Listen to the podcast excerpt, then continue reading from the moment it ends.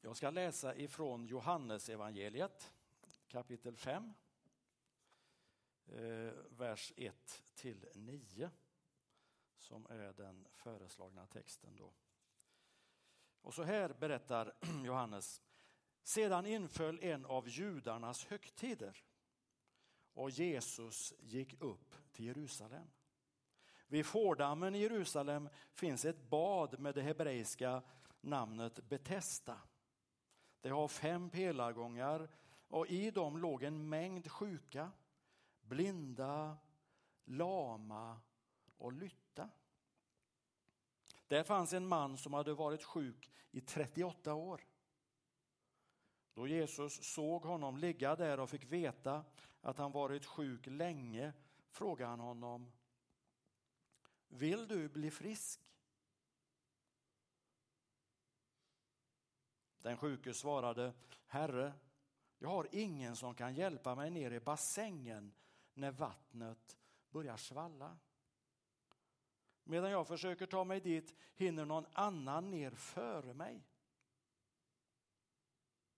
Jesus sa till honom, stig upp, ta din bädd och gå. Genast blev mannen frisk och tog sin bädd och gick. Amen. Jag ska ta en liten parentes först. Alltså Johannes evangeliet är det evangelium som är yngst, alltså det som skrevs senast. Och forskare de tänkte länge att Johannes, han har nog aldrig varit i Jerusalem. Eh, eller så har han i alla fall väldigt dålig koll på Jerusalem.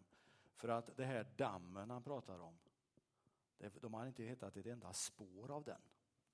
Så de tänkte att det har han nog missat. Men så gjorde man en utgrävning, nu är ju det kanske nästan hundra år sedan. Men plötsligt så hittar man Betestadammen och alla dess fem pelargångar. Och eh, så har det varit lite nu och då. Att forskningen har sagt, nej men det här stämmer ju inte. Och sen upptäcker man, jo, Bibeln hade rätt. Jag tänkte det kan vara lite intressant för er att höra också om ni undrar. Nu lämnar vi forskningsläget. Den här berättelsen, jag vet inte hur ni tänker om den. Jag tänker att det är en ganska tragisk historia. Eh, en man har varit sjuk i 38 år, det är ju ändå ganska många år. Och så är det ju inte bara det som eh, är svårt för honom. För han berättar att han har ingen att vända sig till. Och då tänker jag att han känner sig helt ensam i världen. Jesus kommer dit. Vi hör från texten att det låg en mängd sjuka. Lama, blinda och lytta. Men det är till den här ensamme mannen som Jesus vänder sig.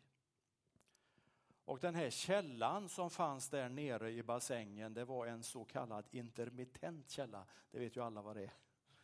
Eh, det, fanns, det finns intermittenta fyrar också, om ni läser eh, navigation. Men en intermittent källa det betyder att lite nu och då så kommer det vatten. Alltså det är inte som en bäck där det rinner typ hela tiden, utan ibland så kommer det, eh, rinner det till. Och då tänkte man sig att den som hinner först ner i bassängen när det rör sig på det sättet, den blir frisk. Eh, han har varit sjuk i 38 år och vi vet ju inte att han hade suttit där varenda dag i 38 år. Men man skulle kunna tänka sig att han har suttit rätt länge i alla fall. Eh, och om det där hände någon gång ibland, det vet vi inte hur ofta, så borde han ha sett en hel del som i så fall har blivit hjälpta. Men han har aldrig själv fått den hjälpen. Och jag har inte svårt att tänka mig att han var besviken på människor. Alltså de här som lät honom lägga där, eller hur han nu sitta utan att bry sig om honom. Och jag har nästan lika lätt att tänka mig att han var besviken på Gud. Precis så som Bernt läste från Jesaja-texten där. Det här att Gud griper inte in. Och så kommer Jesus då till den här mannen och ställer den här oerhört dumma frågan, är det inte det? Sjuk 38 år. Sitter vi där och väntar på att vattnet ska forsa och frågar Jesus, vill du bli frisk? Det är klart han ville bli frisk, det förstår ju vi. Och så står det att mannen blir helad. Han får eh, uppdraget, eller vad säger han blir tillsagd att ta sin bädd och gå. Och så gör han det. Frisk. Men vart går han? Det har jag funderat på när jag tänker på den här texten. Finns det någon plats för honom någonstans? För ingen verkar ju fråga efter honom. Det är ju nästan som att han inte finns. Men Jesus ser honom. Det har blåst mycket idag. Just nu hör man inte att det tar tag, men eh, i morse tog det tag rejält. Eh, ja, då kom en gammal händelse upp som någon har hört förut, men jag var på scoutläger som ganska ny pastor. Jag sov i mitt tält tillsammans med några andra och så blåste det, jag tror det regnade lite också. Och så blåste det mer och mer och så hörde man börja fladdra i en sån här lättviktspresenning som man kan ha när man bygger spisar. Och så låg man där i sovsäcken och skönt att vara inne. Och stackare de som ska ut och bärga detta, tänkte man. Eller tänkte jag. Men till sist när ingen gick ut och bärgade den här presenningen, den fladdrade mer och mer, tänkte jag då måste jag ju ändå. Och när jag drog upp eh, dragkedjan till tältet såg jag att det var ju, det var ju min patrulls presenning som fladdrade. Eh, och så gick jag, stod jag där ute ensam och bärgade den. Eh, jag var ju inte pigg på att lämna värmen, men jag förstod att det var ju inte de andra heller. De låg i sina sovsäckar och tänkte som jag tänkte. Det där är inte mitt problem. Det där är någon annans problem. Vi tänkte precis som människorna vid Betestadammen. Den där mannen, det är inte mitt problem. Händer det att du tänker så? Att det där är inte ditt problem. Om det händer så är du inte ensam att reagera så. För då är vi förmodligen många som är som du. Men Jesus, han har ett helt annat sätt att hantera situationer. Och han frågar, vill du bli frisk? Och i den frågan ligger ju ett erbjudande också om att hjälpa mannen. Och den frågan kan ju du och jag formulera om och istället fråga Vill du ha hjälp? Alltså, vill du ha hjälp av mig? Lägger ju på något sätt i den frågan. Eller vill du att jag ska hjälpa dig så du kan få hjälp någon annanstans ifrån? Vi hörde Nils-Erik citera vår vision för församlingen och jag tänkte göra det också. En kyrka med rum för hela livet som visar vägen till Jesus Kristus och erbjuder en gemenskap där människor växer i tro och samhällsansvar. Och då tänker jag den visionen, det där erbjudandet om gemenskap. Eh, när man tänker på den här mannen som blev frisk, ja han blev ju jätteglad tror jag, även om inte det berättas. Eh, men tänk om han också, förutom hälsan, skulle få några människor som han kunde räkna med. Några han kunde vända sig till. Några som gärna skulle komma hem till honom, dela livet med honom. För det han behövde av gemenskap var ju inte i första hand någon som intresserade sig för honom när han var i pelargångarna. Som ställde frågor och sen gick hem. Han behövde någon som öppnade sitt liv för honom. Någon som var beredd att möblera om allt det invanda för att han skulle få plats. Och det är det som att vara församling. Att vara beredd att möblera om så att andra människor får plats. Just det har ju varit jättesvårt nu under pandemin. Vi ska inte träffa nya människor. Vi ska inte ha onödiga kontakter. Jag tänker att ensamheten är kanske det som på flera sätt är svårast att leva med. Att ingen vet hur jag har det. Att ingen saknar mig. Att ingen ens verkar bry sig om hur jag har det. Jag tror att det är viktigt att få dela livet. Att få dela både små och stora bekymmer. Att få glädjas tillsammans med andra över det som är positivt och kanske helt underbart. Och jag tänker att den platsen finns i församlingen. Vi pratar här ofta om smågrupper, ett av våra prioriterade områden. Och tyvärr har vi inte tillräckligt många fungerande smågrupper i församlingen.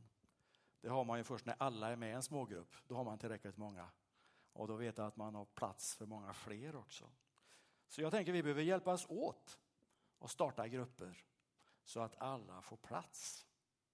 Och kanske sitter du här eller finns i någon kamera någonstans framför en skärm Eh, och skulle vilja starta en grupp men vet inte riktigt hur man gör. Då kan du ta kontakt med mig så ska jag hjälpa dig vidare. Men texten vi läste den handlade också om helande. Det pratar inte vi så ofta om i de sammanhang där jag finns. Där du finns kanske det pratas om det jämt och ständigt. Men för många år sedan så var jag eh, sommarpastor. Jag läste till pastor och så på sommaren jobbade jag i en församling. Eh, och så var jag, ja, jag var där i sex veckor. Och så en dag så ringer en av de andra pastorerna. Han har kommit hem ifrån ett läger han egentligen är på. För att det är en familj som har ringt honom. Det är ju före mobilernas tid detta. Eh, för då är det en familj, de har fått ett litet barn som är mycket allvarligt hjärtsjukt. Så sjukt så att eh, läkarna säger att det, det finns inget hopp för ert barn. Det kommer inte att överleva. Men för att vi ska kunna, liksom, på något sätt, de uttrycker sig nog inte så, men de vill ändå kunna säga att vi har gjort allt vi kunde. Så de ska göra en operation. Men de säger till föräldrarna att den kommer inte att göra skillnad. Ni kommer att förlora ert barn. Och då ringer de pastorn som ringer mig. Och så är vi två stycken som ska gå dit. Vi kände oss inte stora. Eh, vi eh, träffades innan. Och så läste vi den här texten som vi hörde Bernt läsa. Är någon av er sjuk ska han kalla till sig de äldste i församlingen och de ska smörja honom med olja i Herrens namn och be böner över honom. Deras bön i tro ska rädda den sjuke och Herren ska göra honom frisk. Och, han har synd, om, och har han syndat ska han få förlåtelse. Så den, den riktiga pastorn, han har varit och köpt olivolja, en liten flaska på apoteket, eller om han hade det hemma. Och så gick vi hem till den här lilla familjen, det fanns en stora syster med också. Smorde med olja, ett kors i pannan på det lilla barnet.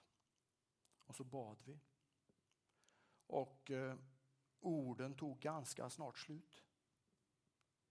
Eh, vi visste liksom inte vad vi ska göra så vi gick därifrån. Sa hej. Hur vi nu gjorde det, det, det vet jag inte. Men eh, vi kände oss nog lite grann på ett sätt som läkarna. Att vi gör vad vi kan och läkarna trodde inte på sitt och jag vet inte om vi trodde på vårt. För ibland när man ber så kan man liksom tycka att man får till det. Det blir en bra bön. Och det känns liksom här att det är det här blir grejer. Men så var det inte den här dagen. Det var som att, vi, som att vi hade tänkt oss att möjligtvis att bönen skulle göra skillnad. Men när operation sen gjordes nere i Lund så, så hörde läkarna av sig och sa de, vi kan inte förklara detta. Men eh, barnet mår bra. Det kommer att överleva. Och barnet mår fortfarande bra i 35-årsåldern ungefär, nästan 35 idag. Och jag kände mig väldigt liten den gången. Det gjorde den andra pastorn också.